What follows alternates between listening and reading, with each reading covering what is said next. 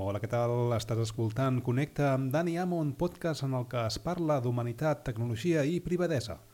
Benvingut i benvinguda, tant si estàs de tornada com si et connectes per primer cop.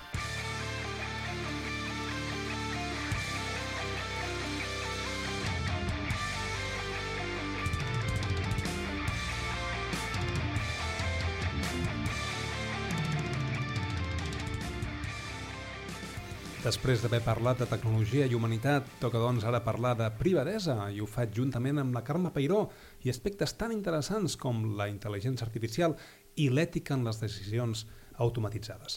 La conversa que mantinc amb la Carme doncs, sorgeix del seu últim treball de recerca publicat dins de l'informe Intel·ligència Artificial Decisions Automatitzades a Catalunya de l'Autoritat Catalana de Protecció de Dades, on la Carme hi fa una feina espectacular desgranant diferents exemples de com s'està aplicant ja la intel·ligència artificial dins de Catalunya i ho fa en àmbits tan concrets com salut, sistema judicial, educació o comerç eh, i exposa diferents exemples doncs, per que entenguem doncs, què significa això de la intel·ligència artificial, com ens està afectant, com s'està utilitzant i de quina forma ens està doncs, portant a un estat en què hem de tenir molta cura i obrir un debat obert sobre protecció de dades i l'ètica en les decisions automatitzades, perquè al final, quan s'apliquen algoritmes de decisió automatitzada, eh, doncs sorgeixen alguns riscos on en aquest informe s'hi exposen i s'hi fa referència d'una forma molt positiva, que és el que a mi m'ha agradat moltíssim d'aquest informe. Podríem ser molt catastròfics, podríem dir coses molt dolentes que ens podria passar si es fan doncs, usos inadequats de la intel·ligència artificial. També s'hi apunta en aquests aspectes dins de l'informe, però sobretot és un informe de caire molt positiu en el que s'informa, gràcies al treball de la Carme, de com s'està utilitzant la intel·ligència artificial en diferents àmbits i dins de, de Catalunya i com s'estan aplicant aquests algoritmes de decisió automatitzada perquè ho entenguem de forma fàcil i perquè veiem les possibilitats que té d'aplicar aquesta tecnologia. Podria dir moltes coses de la Carme Pairó, però ella mateixa parla molt bé en la seva experiència professional dins del seu blog carmepairó.com, comença la seva trajectòria professional en el 92, fa coses tan interessants com un projecte anomenat de teletrabajo.com juntament amb l'Emilio Saez, que és una persona que corre descalça com jo, i amb la que tenim una conversa molt interessant en l'episodi número 2 d'aquest podcast i bueno, eh, la Carme no ha parat des de llavors, és una persona molt activa i us convido doncs a escoltar la conversa que he tingut amb ella sobre intel·ligència artificial i ètica en les decisions automatitzades. Només recordar-vos que aquest és un podcast que sorgeix gràcies al suport de l'equip d'investigació Gretello. Jo hi formo part i dirigeixo la línia de recerca Educational Data Mining dins del context La Salle Campus Barcelona, Universitat Ramon Llull. Així que us deixo amb la conversa amb la Carme Pairó, espero que us agradi, que generi debat, que és el que necessitem en aquests temps d'intel·ligència artificial i ètica en les decisions automatitzades. Bon dia, Carme. Benvinguda a Connect amb Dani Amo. Molt bon dia, encantada de que m'hagis donat l'oportunitat de parlar en aquest pod podcast teu. El, ple, el plaer és meu. La veritat és que entenc que estàs bé, confinada, però... És una sort poder dir això. Em sento molt agraïda d'estar confinada i estar bé i que tots els que m'envolten estan també bé. Molt bé, bueno, d'això n'aprendrem moltíssim i de fet eh, és, és, és un entorn, és un context que, que estem vivint i, i que va molt relacionat amb el que parlarem avui. Que parlarem de moltes coses, no? però parlarem d'intel·ligència artificial i sobretot d'aquesta recerca que, que has fet, aquesta darrera recerca. Deixa'm que t'introdueixi vale? I, i anem navegant uh, entre passat, present i futur. Va.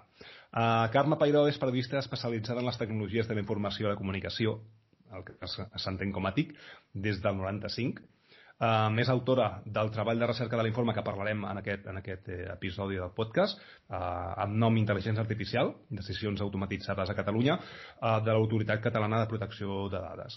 A més a més, és una dona superactiva. Uh, les quatre coses que m'ha estat comentant Um, sembla que, que, que som uns quants que som hiperactius d'aquests que ens despertem doncs, super aviat, no? És guanyadora del Premi Donatic Divulgació 2019, és conferenciant en seminaris i debats, uh, és membre del Consell Assessor de Transparència de l'Ajuntament de Barcelona, també del Consell Assessor de la Iniciativa Barcelona Open Data i també del Consell per a la Governança de la Informació als Arxius. Uh, Carme, no pares, ets un non-stop.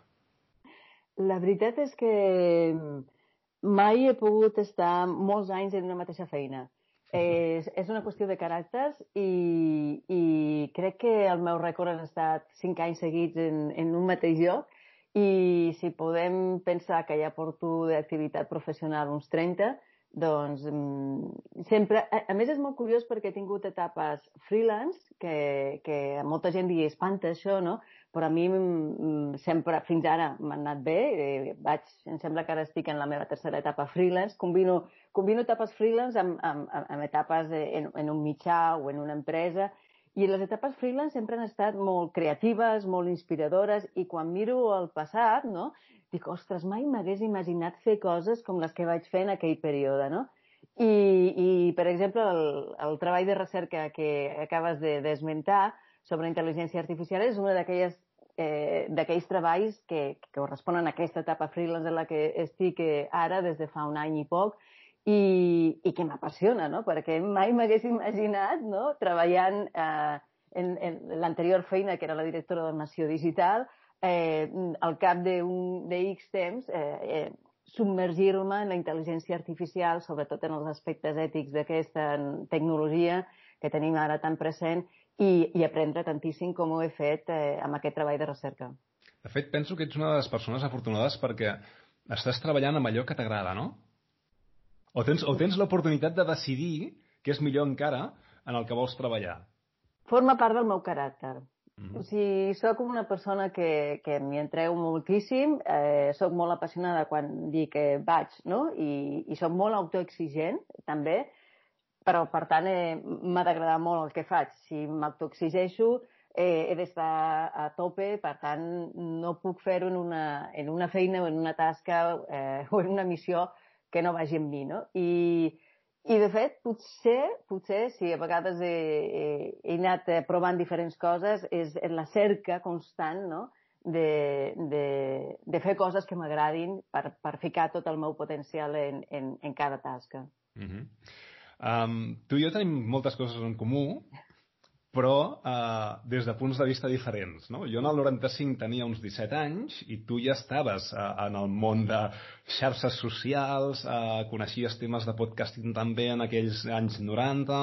Uh, anem a fer una miqueta respectiva, perquè tu vas estar Enredando, i per mi Enredando bueno, era revista referència en yeah. aquella època. Eh, sí, tu i jo ens portem 10 anys, per tant, si tu tenies 17 anys en el, 90, en el 95, jo tenia 27, era en el meu moment que jo ja havia, eh, havia sortit de, de, de la carrera, havia fet eh, petites feinetes i, i buscant feina vaig a parar a, a una empresa que em diu un col·lega, ves que ja necessita una periodista. I, però de què és? No tinc ni idea, necessiten una periodista. I allò que eh, ets jove i busques feina perquè vius sola i necessites menjar, i aquesta, primera, aquesta empresa era el primer proveïdor d'internet a Espanya, era Servicom. I allà ho vaig aprendre tot sobre, sobre els orígens d'internet, no? Eh, vaig estar molt poc temps, un any, la veritat, però en aquell any va ser com obrir els ulls a, a aquesta tecnologia i de manera inconscient, però quan van passar ja dos o tres anys que ja vaig entrar molt en, en l'àmbit internet, exclusivament en l'àmbit internet, eh, eh, més conscient, doncs eh, vaig saber sempre que si jo era periodista, eh, jo havia de dedicar-me a divulgar la tecnologia ja que havia tingut aquella oportunitat. I, de fet, el meu recorregut passa per aquí, en diferents formats, però sempre buscant eh, entendre la tecnologia eh, més innovadora per explicar-la a la gent que no està tan propera a la tecnologia. Diguem-ne que em sento molt privilegiada de, de, de ser capaç de, de poder fer això per altra gent. No? I és cert, eh, des de Servicom, després eh, vaig saltar eh, a organitzar el primer congrés d'internet, d'allà vaig saltar a treballar amb el Luis Ángel Fernández Hermana, el director de la revista pionera Enredando, que dius tu, ja era, ja era el 98, i allà vaig aprendre moltíssim eh, durant cinc anys llargs que, que vam fer mil coses, des de posar en marxa abans del 2000 el primer màster online fins a, a dirigir la revista aquesta no? eh, i coordinar aquesta revista que era pionera a internet, que parlàvem de la globalització, de, de, de les mobilitzacions a Seattle, de, de l'Amèrica Llatina que, que, que estava ja connectada a internet. Vull dir, parlaven de moltíssims temes, parlaven de, de, del dret digital, dels dominis, de temes d'aquella època que abans de que existís Facebook eh, era una internet on es compartia, on tothom ens creiem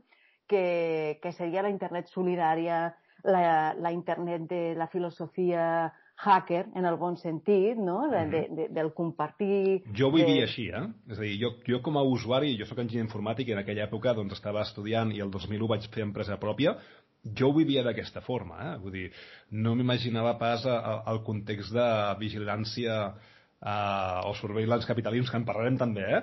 Però, però sí, era com una espècie de context de happy flower, no?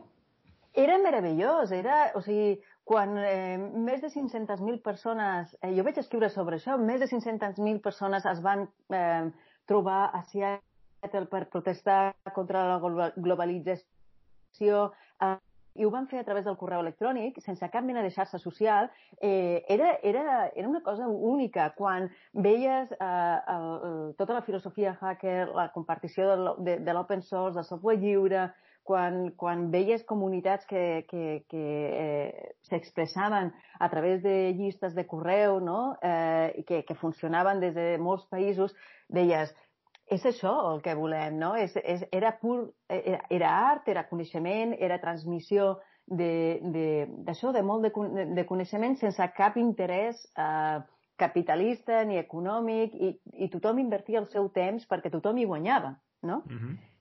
Clar, ara tenim un altre internet, no? Vaig entrevistar a la Renata Ávila, no? l'activista dels drets digitals, una de les advocades també de, del Julian Assange, i, i us recomano que, que pugueu rescatar aquesta entrevista del CCCB.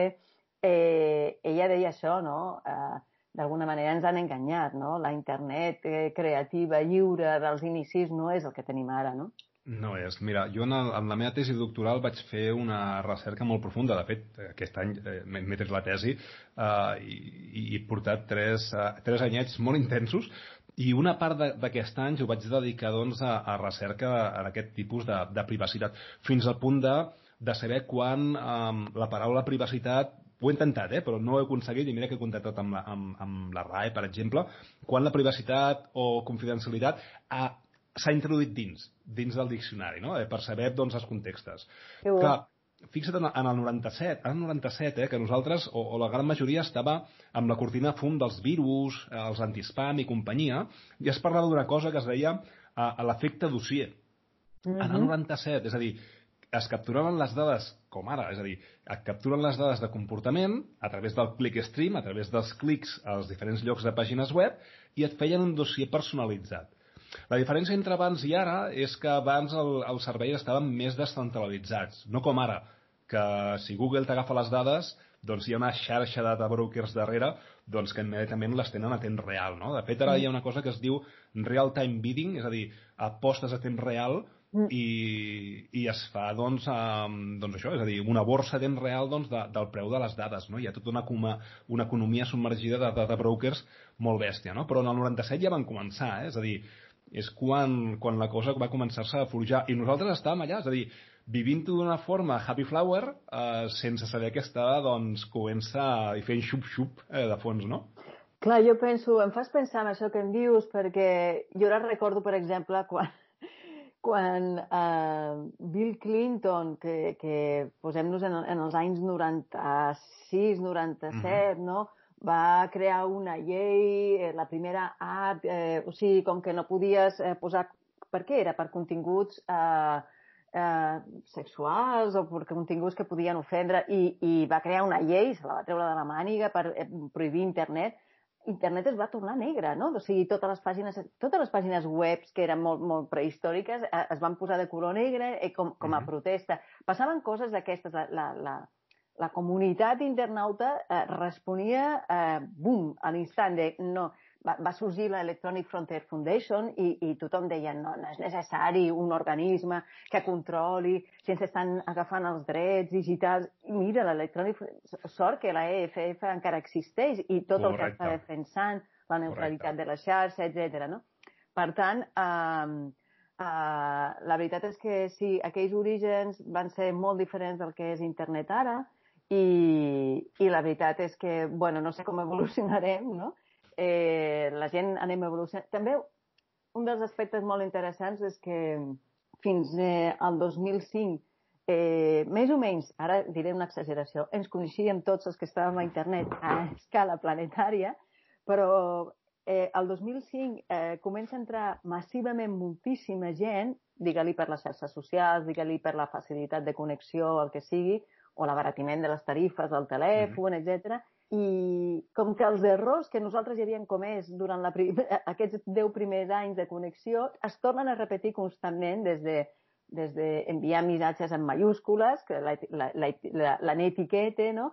fins a, a cometre errors de, de, de comunicació molt absurds o a ser molt ofensius no? a través de les xarxes socials. No, no, no em sembla curiós fer aquest repàs, vaja. Està molt bé. De fet, eh, mira, amb, amb, amb dades i percentatges, eh, dades extretes del Banco Mundial.org, eh? Al 95 hi havia un 0,7% de la població mundial amb connectivitat a internet. El 2000 un 7%. El 2005 un 15%, el 2010 un 28 i ara estem, doncs, això, el 60% més o menys, eh, si, si fa o no fa. Vull dir que hi ha, hi ha una de recta... De la població mundial. De la població mundial. Hi ha, hi ha una recta molt bèstia, hi ha una, una proporcionalitat uh, molt bèstia. Mira, en relació al que deies uh, del tema de la privacitat, hi ha un llibre que es diu uh, Privacy in the Modern Age, Uh, uh -huh. el recomano doncs, perquè parla de les coses que, que dius tu, de la EFF i, i d'actes molt, molt interessants. De fet, Al Gore, al principi d'internet, doncs va, va etiquetar-la com la, la superautopista de la informació, sí. no? I aquí doncs, ja, ja es començava a, a desgranar. I, I tens raó. De fet, en el, en el 2000, 90 i companyia, la, el sentiment de tribu, sentiment de comunitat, aqu aquella, aquell portal terra, no sé si te'n recordes, eh, és a dir, oh, sí. es portava molt a pobles, comunitat, tribu, era un sentiment de, de, de connexió amb, amb persones que estan, que estan com tu, que ara també hi és, però, però està com, com més difuminat. Més, ja, ja no, i a més hi és, però no hi és de la mateixa manera perquè, bueno, el llibre d'Edward Snowden, el Permanent Record, eh, ell comenta els seus inicis també a internet, no? i comenta també eh, aquesta etapa eh, així inicial en el que tenia molta importància, encara que entressis en un pseudònim, encara que fossis... No, no calia donar el teu nom, perquè tothom sabia que entraves amb un pseudònim, però no hi havia cap intenció d'amagar la teva personalitat. Ara, el que deies havia de ser veritat, perquè tu li estaves dient a una comunitat que t'era fidel. No m'importava si deies Eduard o Dani. El que importava, eh, o si t'havies posat un, el nom de, de, del teu còmic favorit, el que importava era el que deies, la teva paraula. En canvi, ara la paraula com que s'ha perdut, no? Es diuen moltes banalitats per totes les xarxes socials i la paraula no és tan important. És gairebé més important la teva foto o la sí. teva, etiqueta, o la teva etiqueta, no? Que, que, que no o, o, que dius. O la, o la idea que proposa, és la idea aquesta de la postveritat, no? És a dir, eh, jo dic alguna que podria ser i això ja pren com més rellevància que en realitat la, la, la, la veritat que hi ha darrere, no? Hi ha molt de postureig, no? Sí, i és el que... Potser sí que hi ha molta comunitat, molta... Ara la, la, la cosa bona i, i positiva per no ser tan romàntics i dir que tot el passat va ser millor que no pas ara, no, no, no ens equivoquem, no? Però ara hi ha coses bones com, per exemple, tota la xarxa, o sigui, està molt especialitzada. Tu eh, et dediques a un sector i, i pots mm, aprendre moltíssim de moltíssima gent que està en aquell sector i, I abans era molt difícil realment trobar certs sectors, no? Ara parlis del que parlis, molt especialitat, sí, hi ha la teva gent allà, no? I només has de saber trobar-la, no? Però hi són, hi són, hi no? En, en algun format, en algun canal. Mira, ara acabes de dir una cosa que, que, que penso que és el que, és el que diferencia d'un competent digital, digital del que no. És a dir, per mi competent digital no és que sàpigues utilitzar moltes eines, sinó que sàpigues eh, trobar eh, ràpidament com utilitzar aquesta eina. És a dir, que tinguis una xarxa de contactes correcta, que, que si tu vols trobar algun concepte sàpigues on anar a buscar, tingués aquest, aquest coneixement, més que, més que el tema tècnic, no? Perquè a vegades el, el, el concepte de competent digital es fa relació i, i, i molta associació amb, amb si saps o domines moltes eines, no? Jo penso que, que la teva competència digital eh, es mesura en, en quant en, en quant al temps que et pots trigar en resoldre una situació i en, i en com ets capaç d'entendre la solució per, uh, per poder eh, executar-la, no? I el, que estàs dient, I el que estàs dient és assignatura pendent en, en el que són les escoles eh, en primària, secundària i universitat, no? Vull dir, aquesta competència digital que segurament hem adquirit tu i jo a força d'anys de, de, de mm, manegar la xarxa, no? Eh, és la que haurien d'ensenyar de, en, qualsevol, en qualsevol nivell eh, d'escola de, o d'universitat perquè és, és l'habilitat que, que necessitaràs en, en, allà on vagis. És a dir, si has d'estudiar, si has de tenir una feina, si has de buscar-te o reinventar-te, eh, has de tenir aquesta habilitat en aquest món digital. I és l'assignatura pendent perquè, lògic, és l'assignatura pendent de les escoles perquè el, el professorat no ha tingut aquest background. I llavors, eh, com ho pot tenir mentre alhora està ensenyant el que ha de, en el currículum eh, per obligació li toca ensenyar? És complicat, no? Eh, de fet, eh, estic en contacte amb una bona comunitat de, de professors i docents molt, eh, no diria preocupats, sinó ocupats en, en, en, en ensenyar aquestes habilitats digitals i, i la veritat és que ho van fent, eh, aprenent primer ells mateixos en el seu temps lliure, eh, sent apassionats, molt apassionats i transmetent després a, a la canalla o, o als seus estudiants. No? però són molt pocs en comparació als milers de, professorat, de professors que existeixen en totes les escoles. Parlo de Catalunya, no hi ha d'altres àmbits, no? Eh, I és assignatura pendent, sí, sí, I, i, i, fixa que els professors d'avui dia que ensenyen als alumnes uh, aquesta, uh, aquesta competència, no? o intenten que adquireixin aquesta competència, són professors que van néixer sense, sense aspecte digital. És a dir, jo sóc una persona que, que, que jo soc del 78 i allà no hi havia res, és a dir, no hi havia... L'ordinador de casa em va arribar doncs, al cap de 10 anys, no? De fet, jo sóc un del, del, dels afortunats de tenir un pare supertecnològic, eh, anàvem molts, eh, molts cops a l'any als Estats Units i portàvem moltes andròmines i moltes eh, coses amb les que podíem jugar. De fet, aquí eh, teníem molts col·legues a casa doncs, sempre jugant, no?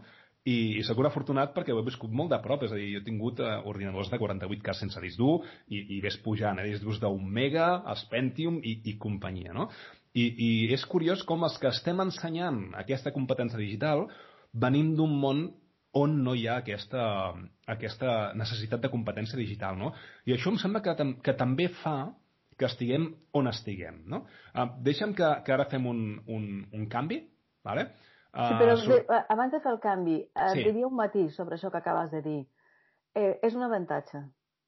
Per edat, per edat no podem ser com els nadius digitals, ¿vale? però mm -hmm. d'alguna manera crec, vull creure que és un avantatge haver trepitjat els dos mons perquè som apassionats de l'àmbit eh, digital o tecnològic, però tenim eh, la cura i l'alerta de, de l'àmbit eh, analògic, que vol dir privacitat, respecte, etc, valors que s'han de traspassar d'alguna manera, que està costant molt traspassar-los, però d'alguna manera s'han de traspassar a l'àmbit digital, aquest jovent nadiu digital. Exacte, exacte. no, no, no. Uh, molt bé, molt bé. De fet, de fet volia, volia anar cap aquí. Eh? De fet, el que volia dir és que uh, per certes tecnològiques, tu i jo som, um, som un problema. Vale? És a dir, tu i jo som un problema perquè, perquè sabem què és viure en un entorn no digital, sabem què és la privacitat, sabem què és trobar-nos cada dia amb els amics, amb els contactes, sense haver d'enviar-nos un sol mail, vale? ni tenir WhatsApp, i ens trobàvem i, i sempre estàvem tots junts, i això entenc que per les tecnològiques és un problema, perquè som els que estem posant consciència sobre aquesta privacitat, no? Um, el canvi que volia fer és, és ja atacar directament el tema d'intel·ligència artificial no? I, i, i mm. sobretot preguntar-te, és a dir, com has acabat aquí? No? Perquè la, la teva trajectòria, uh, vulguis que no, tu ets periodista, però vas començar també com a community manager, que potser en aquell moment no s'entenia com a community manager, no? I, i, i has anat perfilant, has acabat doncs, sent directora d'un diari tan important com Nació Digital, i ara estàs doncs, en el tema d'intel·ligència uh, artificial, no? Evidentment, en Nació Digital vaig veure també doncs, una ponència que vas fer a la UOC com utilitzàveu les, les eines WhatsApp, Telegram i companyia, um, deixa molt clar no? doncs, doncs que, que Nació Digital és digital, no? 100%, uh, i entenc que allà va ser el moment que vas començar a viure la intel·ligència artificial o, o ja havies eh, fet pinitos abans? Mm. Eh, bé, eh, entrant en el món de la intel·ligència artificial, a mi eh, és un, crec que és una conseqüència de, de, de tota la meva trajectòria. Sempre he intentat entendre la tecnologia que havia de venir, eh, he eh, gratat una mica per curiositat de què anava, no? I si he vist alguna cosa d'interès m'he enfonsat, eh, bueno, m'he enfonsat, m'he submergit eh, fins a descobrir-la i ser capaç d'explicar-la, no? Això m'ha passat, em va passar eh, quan va aparèixer la, jo que sé, els primers blogs, que vaig començar a crear blogs i després a explicar com es feien blogs perquè molta gent tingués blogs. Eh, em va passar quan van aparèixer les xarxes socials, que dins de l'àmbit del periodisme vaig a ficar-me en redaccions com, a, com la de TV3 o la de La Vanguardia a, a introduir eh, tot el que eren les xarxes socials com a nous canals de comunicació i a jugar molt amb la participació dels lectors, de com els lectors ens podien informar o ser fons d'informació per nosaltres continuar escrivint com a periodistes i, i aprofitar les xarxes socials, bueno, que hi havia en aquell moment, no? Mm, YouTube, eh, Facebook, eh, algun canal nou, no? Um, I uh, això uh, m'ha derivat sempre a explorar. Per exemple, jo porto des del 92 explorant com aplicar les dades l'ús de les dades per fer periodisme, no? des d'organitzar congressos internacionals amb els millors periodistes de dades de, del Guardian o el New York Times i portar-los a Barcelona, fins a organitzar workshops, hackathons, eh, perquè els periodistes, la comunitat de periodistes, treballéssim amb les dades, poguéssim visualitzar-les o eh, coordinar un postgrau de, de periodisme de dades, que és el que vaig fer a Blanquerna l'any passat. No? Clar, tot això a mi em porta sempre a, a avançar-me una miqueta per poder després eh, entendre-ho i explicar, no? De la mateixa manera, eh, vaig tenir la fortuna d'entrar de, de, com a directora a la Nació Digital, que és un, és un mitjà eh, que és pioner, perquè sempre es parla de VilaWeb, però eh, mm, Nació Digital va néixer uns mesos més tard de VilaWeb i el seu director, en Miquel Macià, o l'editor Miquel Macià, que ara és el, el director, eh, és un pioner de la xarxa eh, de, de, de Vic de tota la vida, que el 95 i el 96 ja va veure la possibilitat de crear eh, un format digital va començar amb una pàgina, que era osona.com, i ara Nació té 18 delegacions, no?, amb, amb 18 pàgines de periodisme local molt interessants, no? I, i jo vaig tenir la fortuna d'entrar en aquest mitjà on té un equip eh, de tecnologia des dels inicis, amb el qual ha viscut tota la trajectòria, un equip eh, en el que ens enteníem molt ràpidament, ens comunicàvem i, i ells, ells em van ensenyar moltíssimes coses que, que jo per haver treballat sempre en mitjans eh, en, la, en la part digital de mitjans tradicionals, és a dir, en la Vanguardia Digital, a TV3 Digital, etc., jo creia que anava molt avançada, però no, perquè érem eh, parts digitals de mitjans tradicionals. Eh, la part avançada va ser quan jo vaig entrar al Nació Digital i vaig veure la velocitat que anava l'equip de Nació Digital eh, treballant eh, deslocalitzadament i, i, eh, i, i d'una manera impressionant, no? fent periodisme mm, local i, i, i, i seriós. I llavors allà vam poder fer coses interessants com optar a una beca Google que, que ens va facilitar poder tenir uns diners per crear una eina pròpia de visualització de dades que es distribuís en tota la redacció, vaig formar a, a la plantilla en el tractament de les dades, etc. No? Vam fer coses interessants en la Nació i el Nació continua el seu rumb i, i, i està molt bé. I, i com entro, eh, com arribo a, a aquest eh, treball de recerca d'intel·ligència artificial, Arribo d'una manera molt casual. A mi em demanen eh, col·laborar en un informe europeu que es va fer per la ONG Algorithm Watch.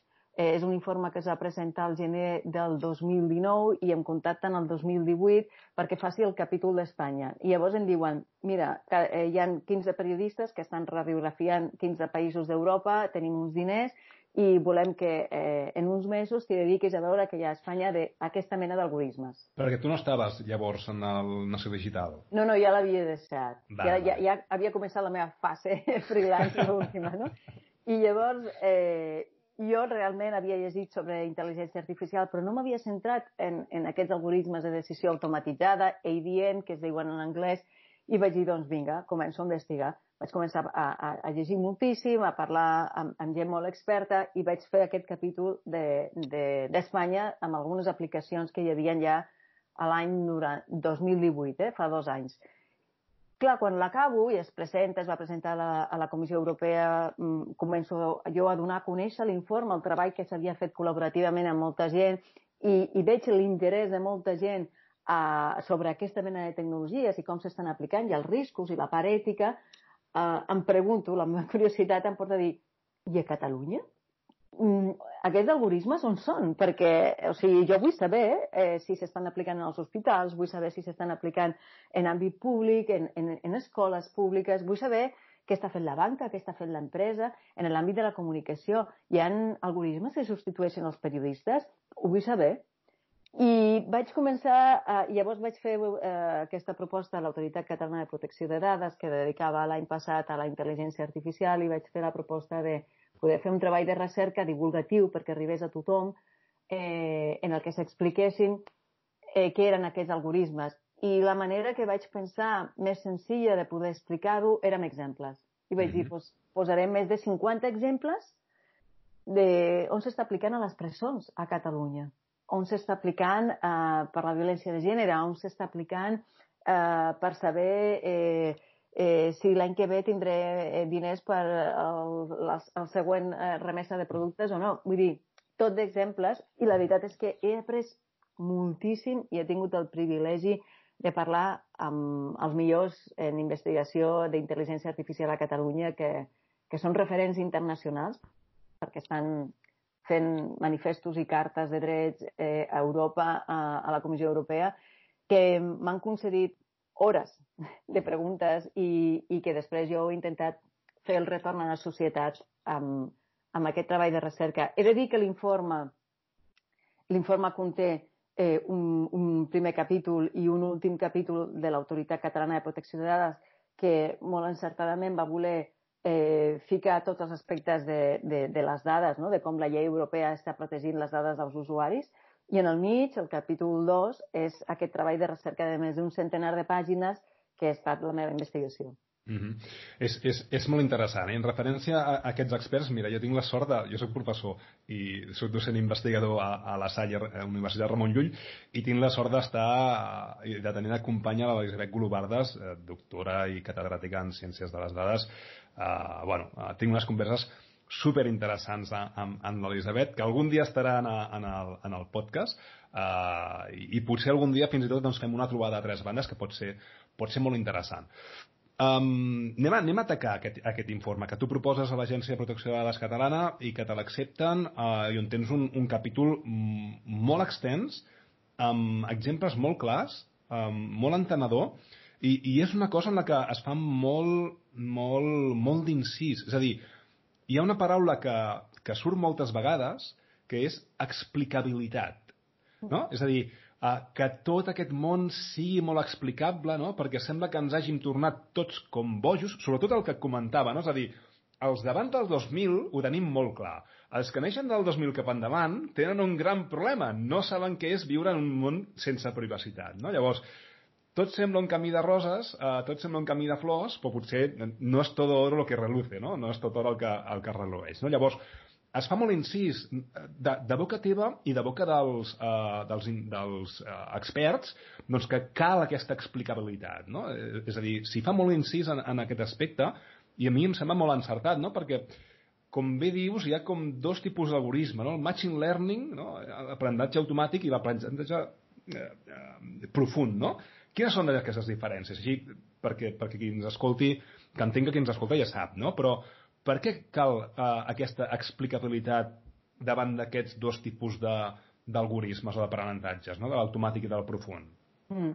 Bueno, jo eh, animo molt eh, a que llegiu eh, sobretot aquesta part eh, on parlen, l'última part de, de, del treball de recerca vaig voler vaig preguntar eh, explícitament a, a, a aquests investigadors que m'havien atès eh, quins eren els perills ètics que hi havia. No? Eh, és cert que la intel·ligència artificial que, que estem fent servir avui eh, té, té aspectes no resolts i, i ells, eh, si ara estava repassant eh, el, el titular no? que, que, que em feien, no? I si repasses els titulars, eh, ells mateixos ho estan dient, no? Des de Ramon López de Màntares, que diu s'hauria de poder certificar que els algoritmes estan nets de biaixos. Quan tu llegeixes això, dius, un moment, Ramon López de Màntares, professor investigador del Consell Superior d'Investigacions Científiques, exdirector de l'Institut d'Investigació d'Intel·ligència Artificial. O sigui, el màxim, no? Un moment, senyor López de Màntares. M'està dient que els algoritmes que, que tenim, que estan predint i que estan prenent decisions automatitzades en àmbit de salut, en àmbit de banca, finances, no estan nets de biaixos? Aquí o sigui, els, els titulars estan molt buscats per, per eh, captar la, la curiositat de llegir-te uh -huh. una mica més el, el, el foli de declaracions de cada personatge, no? I, un moment, si no estan nets de biaixos, per què els fem servir? Són les preguntes que jo faig, no? I llavors em responen, bé, perquè han demostrat que, que en una proporció molt alta són encertats. En una proporció molt alta podem parlar d'un 85, d'un 70 mm -hmm. o d'un 96, és igual.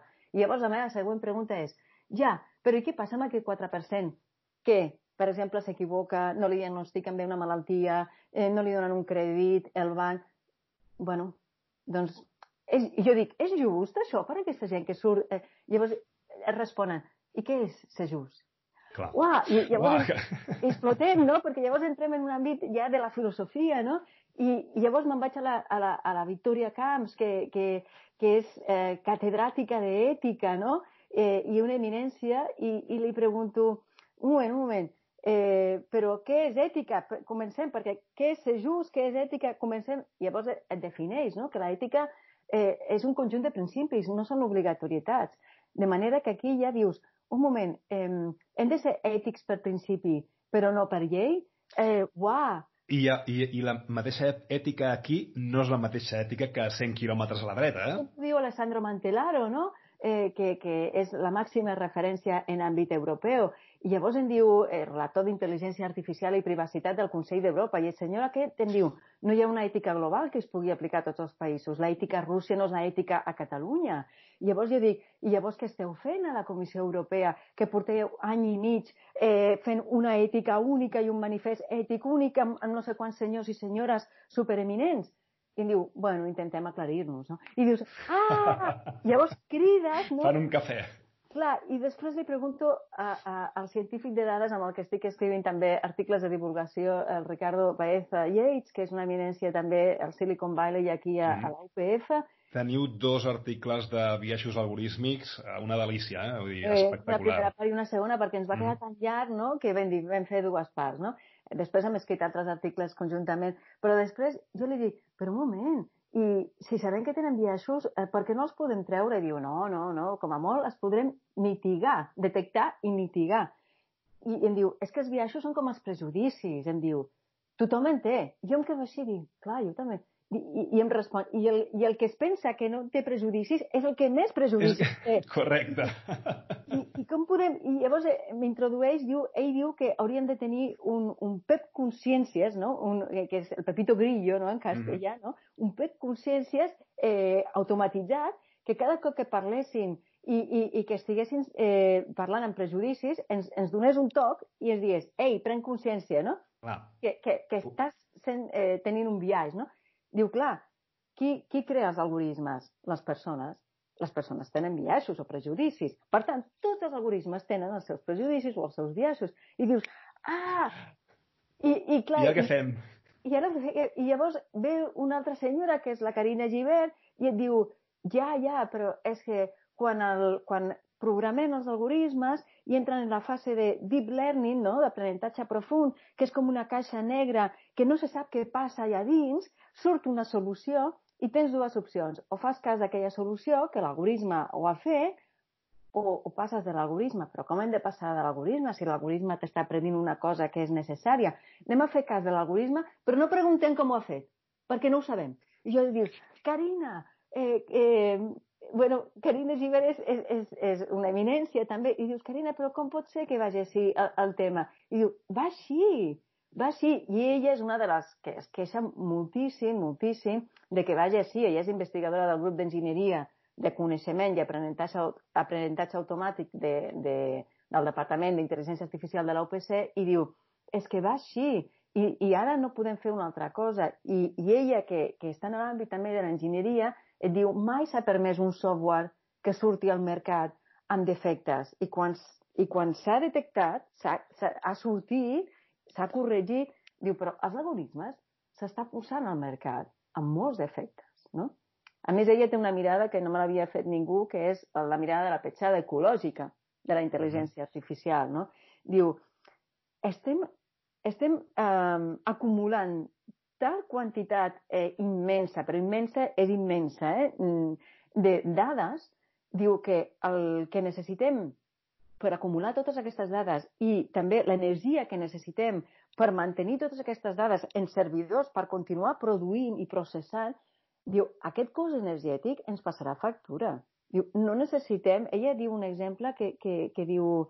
Uh, diu, necessitem que el teu rellotge mesuri la temperatura corporal cada 5 minuts durant un any, quan se sap que la temperatura evoluciona d'una manera monòtona i hi ha canvis visibles només cada hora per què necessitem acumular tantíssimes dades eh, de, de... Ella posa un exemple molt petit, sí, sí. no? però és molt bueno, real per entendre la dimensió de dades que estem tenint, no? Correcte, és el concepte mi, de quantify itself. Ja, a mi aquesta, aquesta part en què, en què vaig crec que vaig ser capaç de, de, després de moltes hores de conversa, agafar una pinzellada de, dels aspectes ètics en moltes boques diferents eh, de, de gent tan, tan important, no?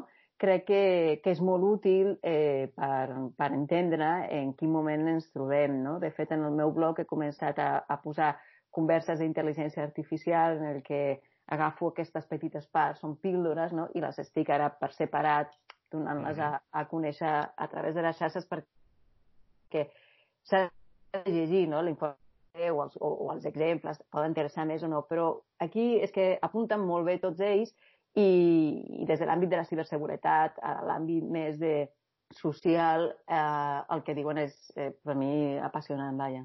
Té molt, té molt de valor. Um, recomano, eh, ferventment, que, que tothom es llegeixi l'informe i, i els resultats que se n'extreuen i que cadascú es faci una opinió i cadascuna es faci una opinió. Um, són 142 pàgines, evidentment, eh, excel·lentment escrites, però està molt ben balancejat. Eh, hi ha un equilibri entre allò negatiu i allò positiu. S'exposen les dues cares, que això és el que, el que m'agrada. No? És a dir, um, jo durant un temps, sobretot l'any passat, jo vaig intentar sortir eh, del tema de la privacitat per entendre, eh, per entendre què, què és això i tot i tanmateix, és a dir, sóc algú que ve d'abans de, de, de tota aquesta bogeria. Eh? I em vaig comprar inclús un Alcatel, un Alcatel 1060, vale? que vaig dir, aquest no té ni connectivitat a internet. Mentida, vale? perquè tenia un mini navegador i a més a més la pàgina per defecte configurada era google.com, vull dir que ni els alcatels se salven de, de tot aquest món, no? Um, quan vaig sortir d'això vaig entendre moltíssimes coses, no? I vaig, vaig adoptar un dis el discurs de la por fins que ja l'he abandonat i ara sóc capaç doncs, de balancejar les dues parts i l'estudi està molt ben fet en aquest sentit. Per una part, um, és molt maco tot, per l'altra part també es deixa veure doncs, aquests viatjos. Posem-nos en context, perquè al final els algoritmes um, són opinions programades i posades dins d'un un tros de codi o un tros de uh, codi màquina que, que s'executa, no? Um, clar, això amaga moltes coses, perquè, a més a més, si aquests algoritmes Diuen que els algoritmes són neutres, eh? jo, jo ho podria dubtar, no? Uh, perquè al final hi ha algú que els desenvolupa, hi ha algú que hi posa coses, no? Evidentment, depèn de com els, um, els fa servir, doncs pot fer una cosa o una altra, però si un algoritme té una acció molt concreta amb un objectiu molt concret, aquell algoritme no és neutre, perquè si un algoritme està fet per erradicar la raça humana, bueno, per nosaltres no ho farà de, de neutre, no? Vull dir, està total, totalment doncs, doncs provocat, no? Clar, um, aquests algoritmes estan basats en estadística. I l'estadística malauradament té un concepte que es diu accuracy, és a dir, la, la precisió. Llavors, un algoritme estadístic és acceptable si té doncs això, no? un 85, 90%, 95% doncs, de precisió.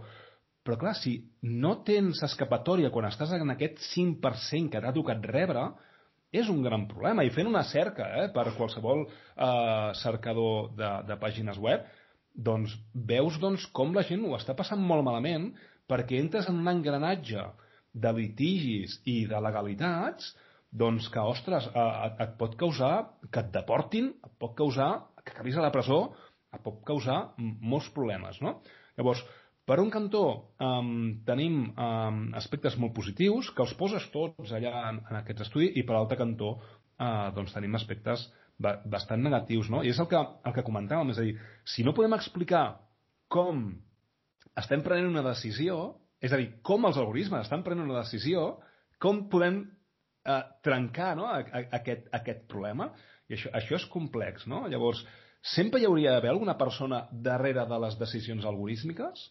O, o ja hem de deixar eh, en aspectes legals, si tu estàs en aquest 5%, doncs denuncia i ja veurem què passa, no? Mira, em fas una pregunta molt interessant que a mi, bueno, voldria, voldria també fer un comentari a allò que has dit del balanceig, no?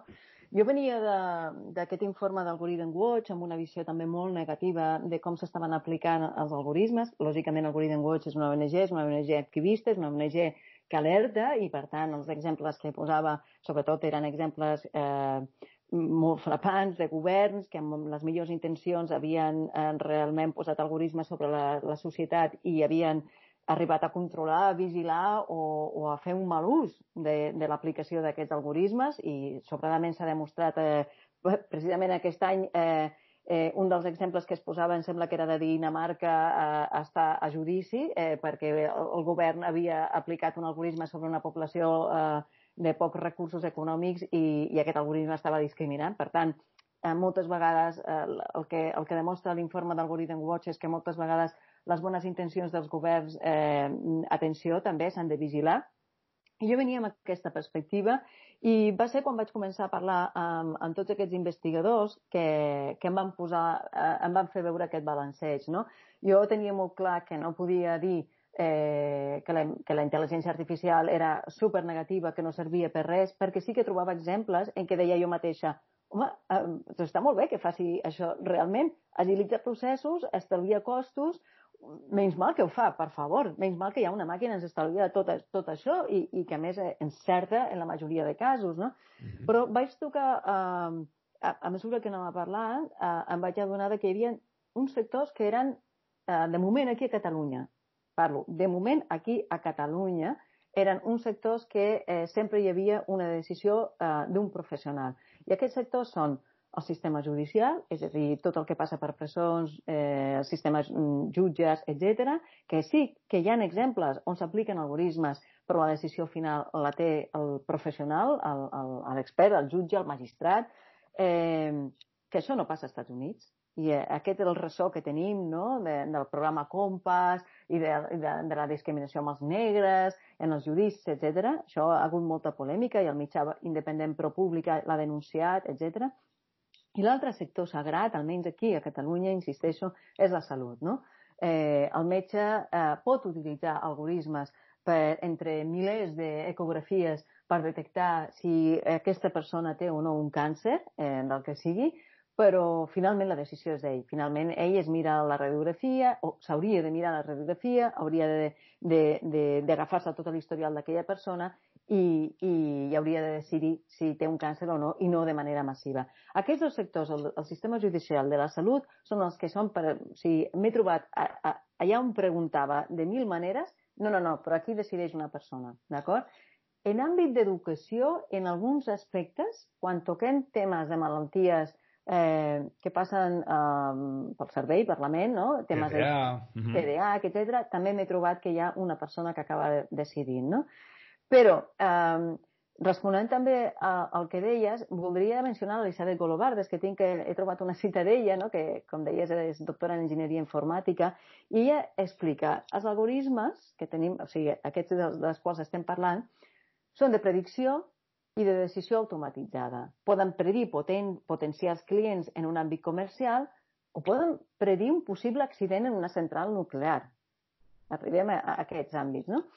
També hi ha els que prenen decisions, com ara evacuar la població en risc 100 quilòmetres fora del nucli de la central nuclear per una possible explosió. Vale?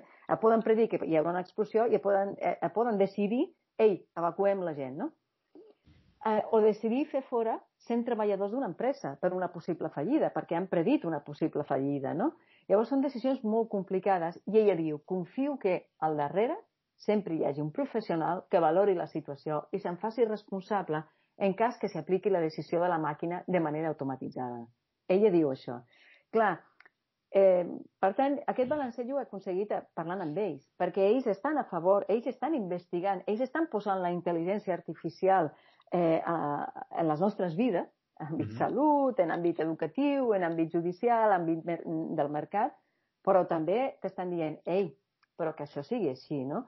Eh, i llavors, eh, jo crec que és important tenir en compte aquestes dues parts, no demonitzar la, la tecnologia. Eh, jo, jo no sóc, eh, o sigui, sóc pro-tecnologia, eh, exploraré tota la tecnologia, però en el moment en què ens trobem passa una cosa molt curiosa que tu m'has donat peu amb una, amb una de les coses que has dit, és que actualment la gent no sap que s'estan aplicant algoritmes de decisió automatitzada a les seves vides i si estan aplicant per això aquesta cinquantena d'exemples a Catalunya, perquè la gent ho trobi molt a prop, no? Aquest és un factor. La segona cosa és que, encara que sàpigues que el senyor del banc no t'ha concedit aquell ICO en temps de confinament perquè eh, t'ha dit que els de dalt han rebutjat eh, la, teva, la teva demanda, els de dalt, no? has de saber que probablement els de dalt és un algoritme, això primer. Però segon, has de saber que hi ha una llei de protecció de dades que tu pots recórrer i dir em poden dir per quin motiu a mi m'han rebutjat això? El Departament Clar. de Riscos que diu no sé què... Exacte. Sí, sí. Llavors uh -huh. el Departament de Riscos hauria de poder donar-te una explicació, però com no te la donarà perquè l'explicabilitat no existeix, perquè és una caixa negra que ha decidit això... Tens un dret que no pots exercir. Veiem com fem aquest espiral? Doncs rebràs una resposta de, mm, del senyor de l'oficina que et dirà els de dalt m'han dit que és perquè et falta alguna cosa, però no et donaran una explicació. Llavors recomano moltíssim seguir aquesta organització que es diu Cibio. Cibio és una organització que eh, treballen eh, des de fa més de cinc anys des de Madrid. Ells són eh, un equip que va començar amb dues o tres persones per fer transparent la informació pública i són els que han denunciat que l'algoritme que donava el bo social a les famílies amb pocs recursos econòmics, un, un bo social que va anunciar a Pedro Sánchez en la seva primera eh, presidència, no? després de no sé quantes eleccions, resulta que no ha arribat a tothom que havia d'arribar. I per què? Doncs perquè l'algoritme ha discriminat d'una manera eh, poc eh, afortunada a moltíssimes famílies en les que sí que complien tots els requisits. I Cibio, que és una organització sense ànim de lucre, ha perseguit eh, tots aquests casos i ara ha arribat a denunciar el govern espanyol perquè li ha arribat a demanar la fórmula de com havia estat creat aquest algoritme que ha discriminat i ara estan en judici perquè mm, no li vol donar la fórmula. Llavors, hem de fer, hem de ser proactius com a ciutadania, hem de conèixer què ens està passant per ser capaços de reclamar els nostres drets i a través d'una llei o d'una altra arribar a que ens donin eh, una explicació. És, és molt interessant perquè estem en un, en un context on ens estaven vigilant d'alguna forma però és que nosaltres ara també podem vigilar els estats. És a dir, eh, estem en, en, la, en la doble situació, no? L'estat vigila els ciutadans, però és que els ciutadans també poden vigilar l'estat, eh? Vull dir, tenim pròpies eines. El que comentava sobre compàs, no? Els Estats Units tenen un gran problema, és a dir, um, aquests algoritmes que s'entrenen amb dades, precisament és el que li ha passat al govern espanyol, segur, és a dir, has utilitzat una, unes dades que no eren les, les dades significatives i representatives. Clar, als Estats Units què s'ha trobat? Que eh, les bases de dades que fan servir eh, contenen gent de, de, de color blanc no tenen gent de color negre, amb la qual cosa eh, tenen un problema. I quan passen aquests algoritmes en gent de color negre, eh, diuen que, que no són persones, són orangutans. No? Eh, ens trobem en, en, en aquest context. No? Eh, conec molts casos eh, de departaments de policia com el de Nova York, el de Chicago, que han començat a, a, a no fer servir aquests, eh, aquests algoritmes perquè enviàvem massa patrulles a, a, a llocs, o sigui, a barris a, de, de, de gent de color negre i la, la, la gent de color blanc es quedava desprotegida i on, on era on en realitat hi havia doncs, el, els problemes, no? Mm. Clar, a, estem en un, en un moment... Te'n recordes de la pel·lícula Minority Report? 2002? vale? És a dir, estem en un moment que uh, se'ns pot privar del nostre futur. No? Per exemple, mm -hmm. el, te el tema del Covid, no? És a dir, ara estem molts països, Panamà, Estònia, Estats Units, eh, Dinamarca em sembla també, i, i Espanya, doncs el govern d'Espanya, el govern, no? doncs vol també posar un bot doncs, per oferir, oferir ajudes, no? però també vol posar una aplicació per veure com, on anem tots, no? I, i si algú eh, té un comportament er, eh, erràtic, doncs agafar-lo pel, pel coll i dir, ei, vés-te'n cap a casa que tu no hauries d'estar cap aquí, no? És a dir, clar, Minority Report uh, ensenia un dilema molt, molt clar, és a dir, uh, la, la lliure disposició d'un ser humà de fer el que vulgui, vale? es veu compromès en el moment que hi ha un algoritme que està predint uh, el, qui, qui tu seràs en un futur. Llavors, clar, ens estem carregant d'alguna forma en alguns casos, eh, qui podem ser i ens estan doncs, limi limitant. No? És, és, mm. és curiós quanta força té un algoritme i, i com, com estem banalitzant la situació, no, a vegades? Estem parlant d'una tecnologia molt potent, eh, que no és nova, que fa, diuen els experts, més de 50 anys que, que ja es va començar a aplicar. El que és nou ara és el potencial eh, de, de de computació que tenim, les màquines que tenim per processar eh, tota la informació i el big data que tenim ara, és a dir, la capacitat d'acumular tantíssimes dades que les generem nosaltres, les persones, a través de, tota, de tots els nostres mòbils i això ens dona, és un potencial, els sensors que hi ha per les ciutats agafant dades, etc. Tot plegat fa que ara estem davant d'una tecnologia que, que tot, tot mm, just comença a, a, a aplicar-se massivament, i el que veurem, no? I és molt potent, és molt potent. Eh, des del punt de vista eh, de la predicció, eh, el fet de que pugui predir coses que els humans encara, eh, que, que sense aquesta tecnologia no podem predir perquè no tenim boles de vidre i que una tecnologia sí que t'ho faci, eh, com, tot, com tota la tecnologia es pot fer servir per usos bons i, i, i per usos eh, dolents eh, o, o realment fatals, no? Eh, sobre les discriminacions que, que comporten els algoritmes, tu has mencionat en el cas de, de la policia i el compàs, mmm, hi ha casos paradigmàtics també que s'han mencionat molt, que és la discriminació femenina, eh, a conseqüència de tots els viatges, de tot, bueno, a conseqüència dels prejudicis o de la societat que, que, sí, sí. que hem viscut en el Mira, passat. Amazon, dones, per exemple, no? Exacte, en què les dones hem estat doncs, eh, sempre de segona o de tercera categoria, etc. Hi ha l'exemple eh, d'Amazon, que fa tres anys, em sembla que era, va intentar fer una selecció de, de treball i buscava desenvolupadores de software i l'algoritme, mm, tots els currículums que arribaven de dones els puntuava negativament. Eh, amb lògica, per què? Perquè eh, en el passat no hi havia desenvolupadores de software, per tant, que ara li arribin currículums de dones eh, no tocava. I, per tant, tota la selecció que va fer l'algoritme era d'homes desenvolupadors de, de software. Clar, quan Amazon va veure que no hi havia cap dona, es va preguntar per què, no? I va detectar l'error. A vegades no és tan fàcil detectar l'error, no? També es diu que, que per exemple, hi havia un, una prova que es va fer en una universitat dels Estats Units que van agafar tot el que era la premsa de nord-americana dels darrers 10 anys eh, i, i, el que, i, i la majoria de titulars, eh, el, els homes eren els protagonistes. Per què havia fet això l'algoritme? És que la premsa estava escrita per homes en les redaccions dels mitjans i sempre els protagonistes eren els homes. Per tant, hem de canviar, hem de canviar la manera en què aquests algoritmes... Clar, què passa? Els algoritmes, perquè funcionin així, s'han d'entrenar amb dades, amb, de, amb, amb dades massives, però quantitats ingents de dades. Jo no sé posar-li aquí els terabytes ni els petabytes ni, ni les xifres eh, eh, tan grans com, com es necessiten. Eh, I aquestes dades són del passat.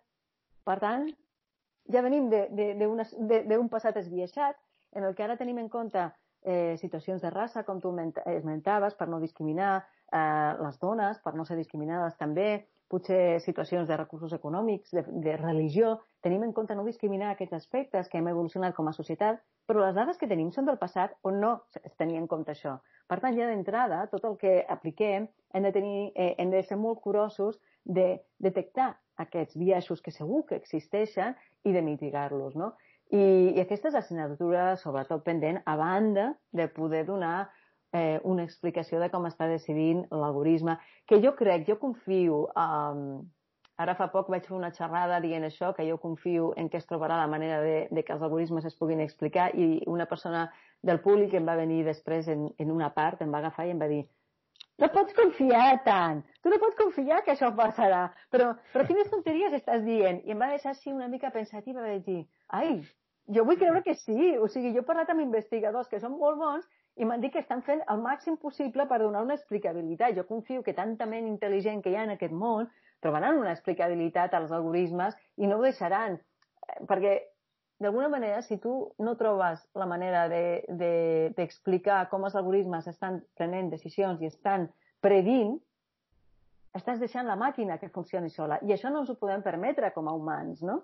O sigui, aquí ja comencen totes les teories conspiratives de si els, les màquines ens, ens superaran els humans i controlaran el món i... No, no, no, no, no, un moment, un moment, un moment. El món encara el controlem els humans i no li posem tant de hype a la intel·ligència artificial, que encara és molt tonta, aquesta intel·ligència artificial. Vull dir, els humans són capaços de reaccionar davant d'un imprevist a l'instant. La intel·ligència artificial no pot, perquè li has d'haver donat tot programat sobre allò que ha de fer. I no pot reaccionar a cap imprevist, no? Per tant, els cotxes autònoms funcionaran a imprevistos, però perquè els haurem entrenat moltíssim a tots aquests imprevistos i en el moment que li sorgeixi un imprevist que no l'hem entrenat, no funcionarà. No, o sigui, matarà algú. Sí, sí. sí segur. S'estalviarà. De, de fet, a 30 minuts va aparèixer un, un documental molt interessant sobre, sobre el tema de... O sigui, sobre, sobre la veritat dels algoritmes automàtics, no? És a dir, perquè un algoritme al final sigui automàtic eh, vol dir que hi ha hagut molta gent fent eh, etiquetant doncs, moltes etiquetant fotos... manualment. Manualment. Vale. Amb la precarietat laboral que també denunciaven, etc. No? Però, però és a dir, perquè un cotxe pugui eh, conduir de forma autònoma i, i que el que li, li posem estigui preparat, com tu bé dius, li hem de posar. Llavors, clar, qui li posa? Perquè hi ha, hi ha moltes dades, eh, hi ha un big data darrere, llavors necessitem a molta gent, no?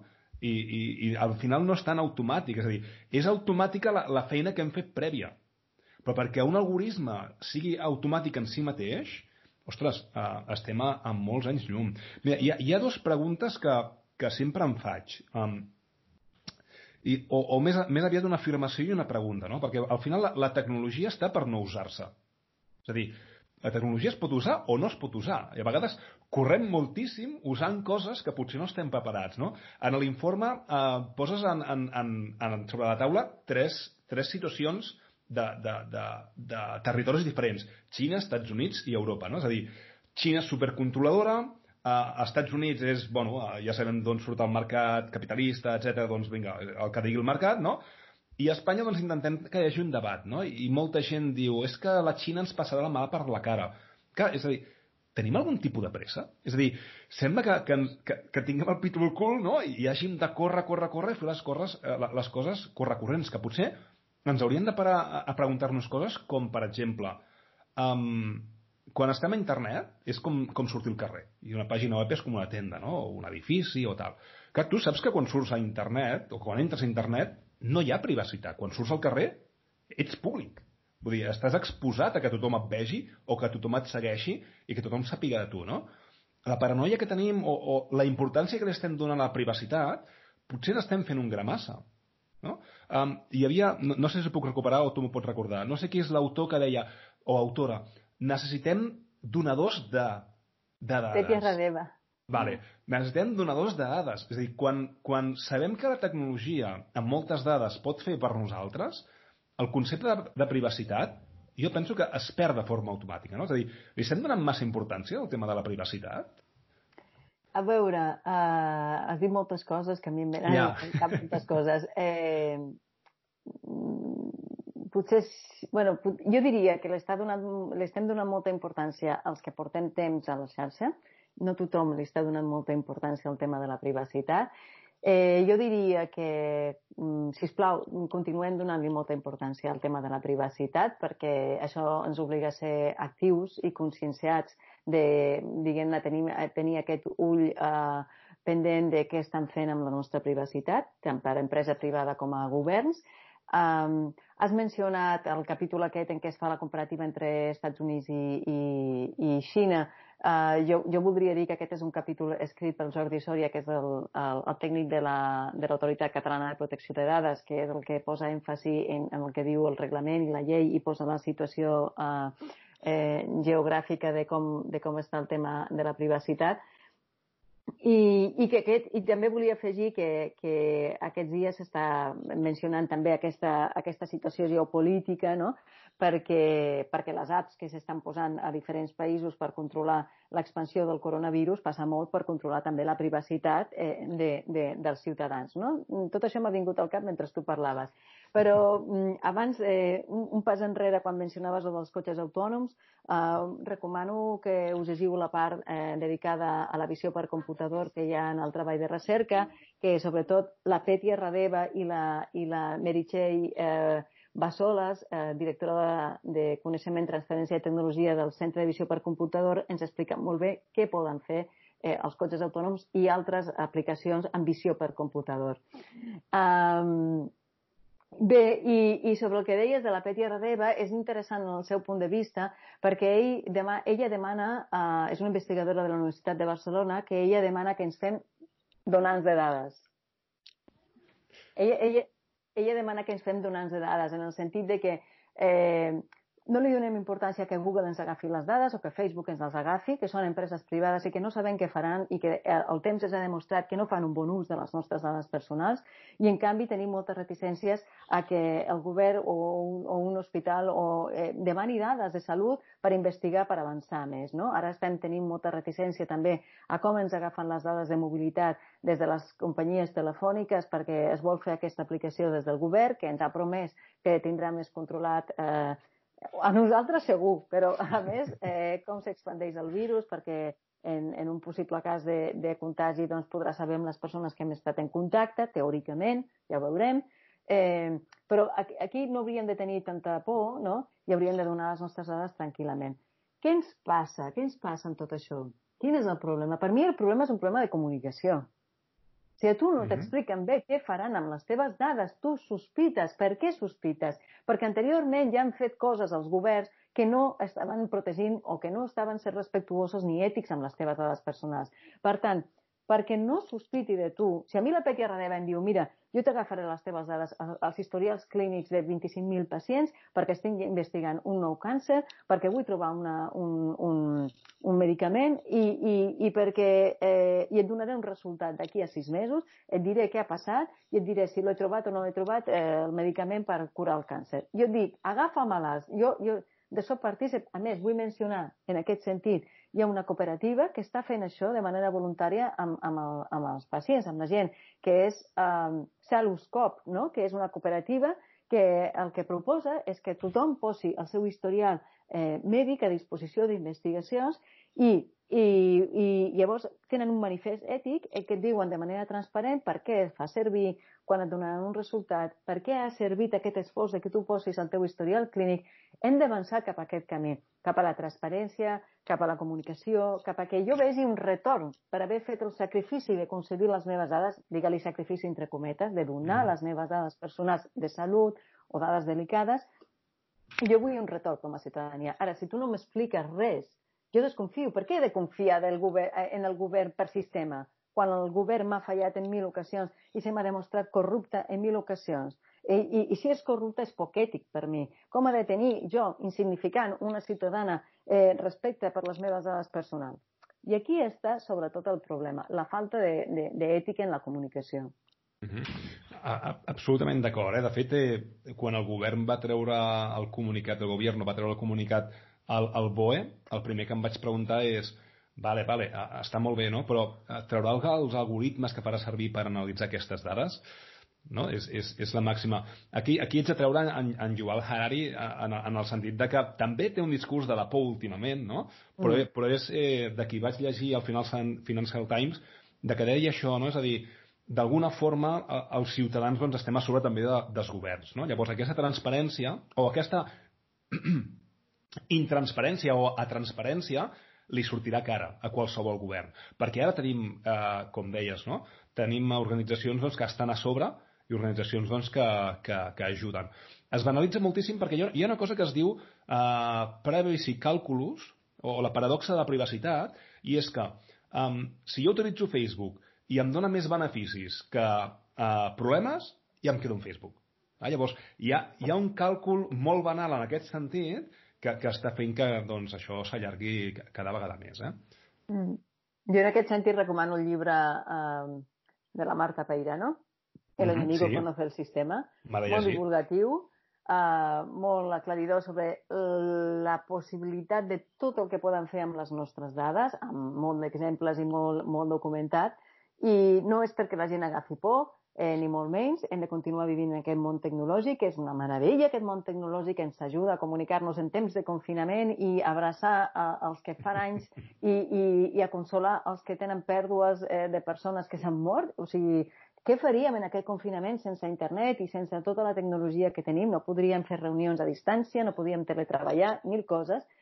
En canvi, eh, això no, no, no treu no treu que estiguem molt alertes, igual que estem alertes en el, en, en el món analògic, quan sí, sortim sí. al carrer de que no ens atropelli mm -hmm. un cotxe o de que no ens ataquin o de que no, no ens facin mal, no? ni els nostres, doncs eh, el mateix eh, hem de ser en aquest món digital. No? Mm -hmm.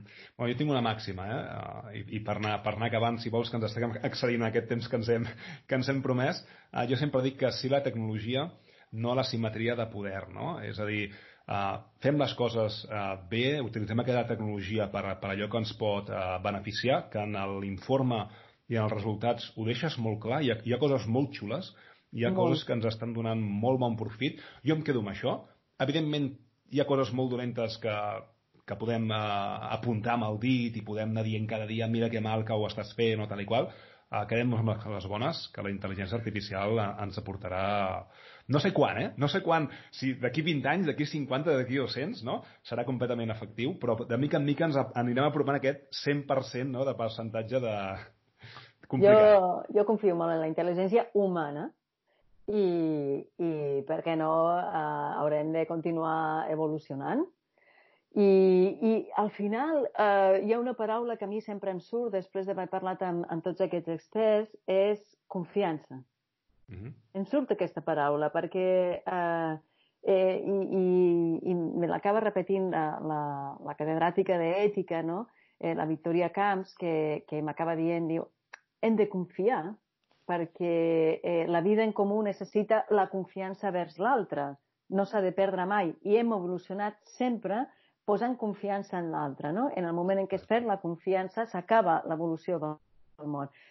Confiem en que els tècnics programadors que estan encarregats de fer aquests algoritmes cada cop tindran una, una visió, una mentalitat més ètica i, i aturaran uh, certs uh, usos.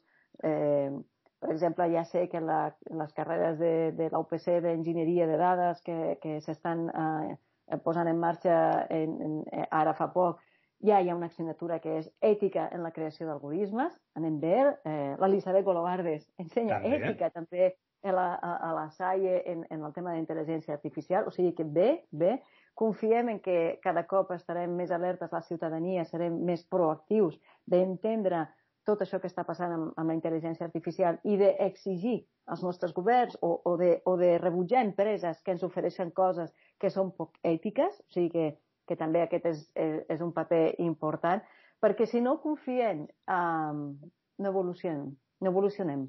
I llavors això sí que és aturar-nos com a intel·ligència humana, no? molt molt d'acord, Carme, molt d'acord. De fet, és, és una cosa que, que apuntes molt en el, en l'estudi, en l'informe, vale? aquesta confiança, que les notes del programa eh, el posaré, és un, és un informe que, que és gratuït, vull dir, es pot descarregar i tothom el pot consultar. Eh? Um, doncs, si us sembla bé, ho podem deixar aquí. Em sembla que ens passaríem moltes hores parlant i tenim aquí doncs, per fer molts cafès o moltes trobades que espero que algun dia uh, siguin físiques, conjuntament amb l'Elisabet, i podem fer algun tu a tu a, a tres bandes. Vale? Uh -huh. Si vols dir alguna cosa, doncs ara és el moment. Que ha estat un plaer poder tenir aquesta conversa uh, amb tu i, i que espero que hagi estat de l'interès de qui ens pugui escoltar. Molt bé. Gràcies, Carme. El plaer és meu i fins la propera. Una passada.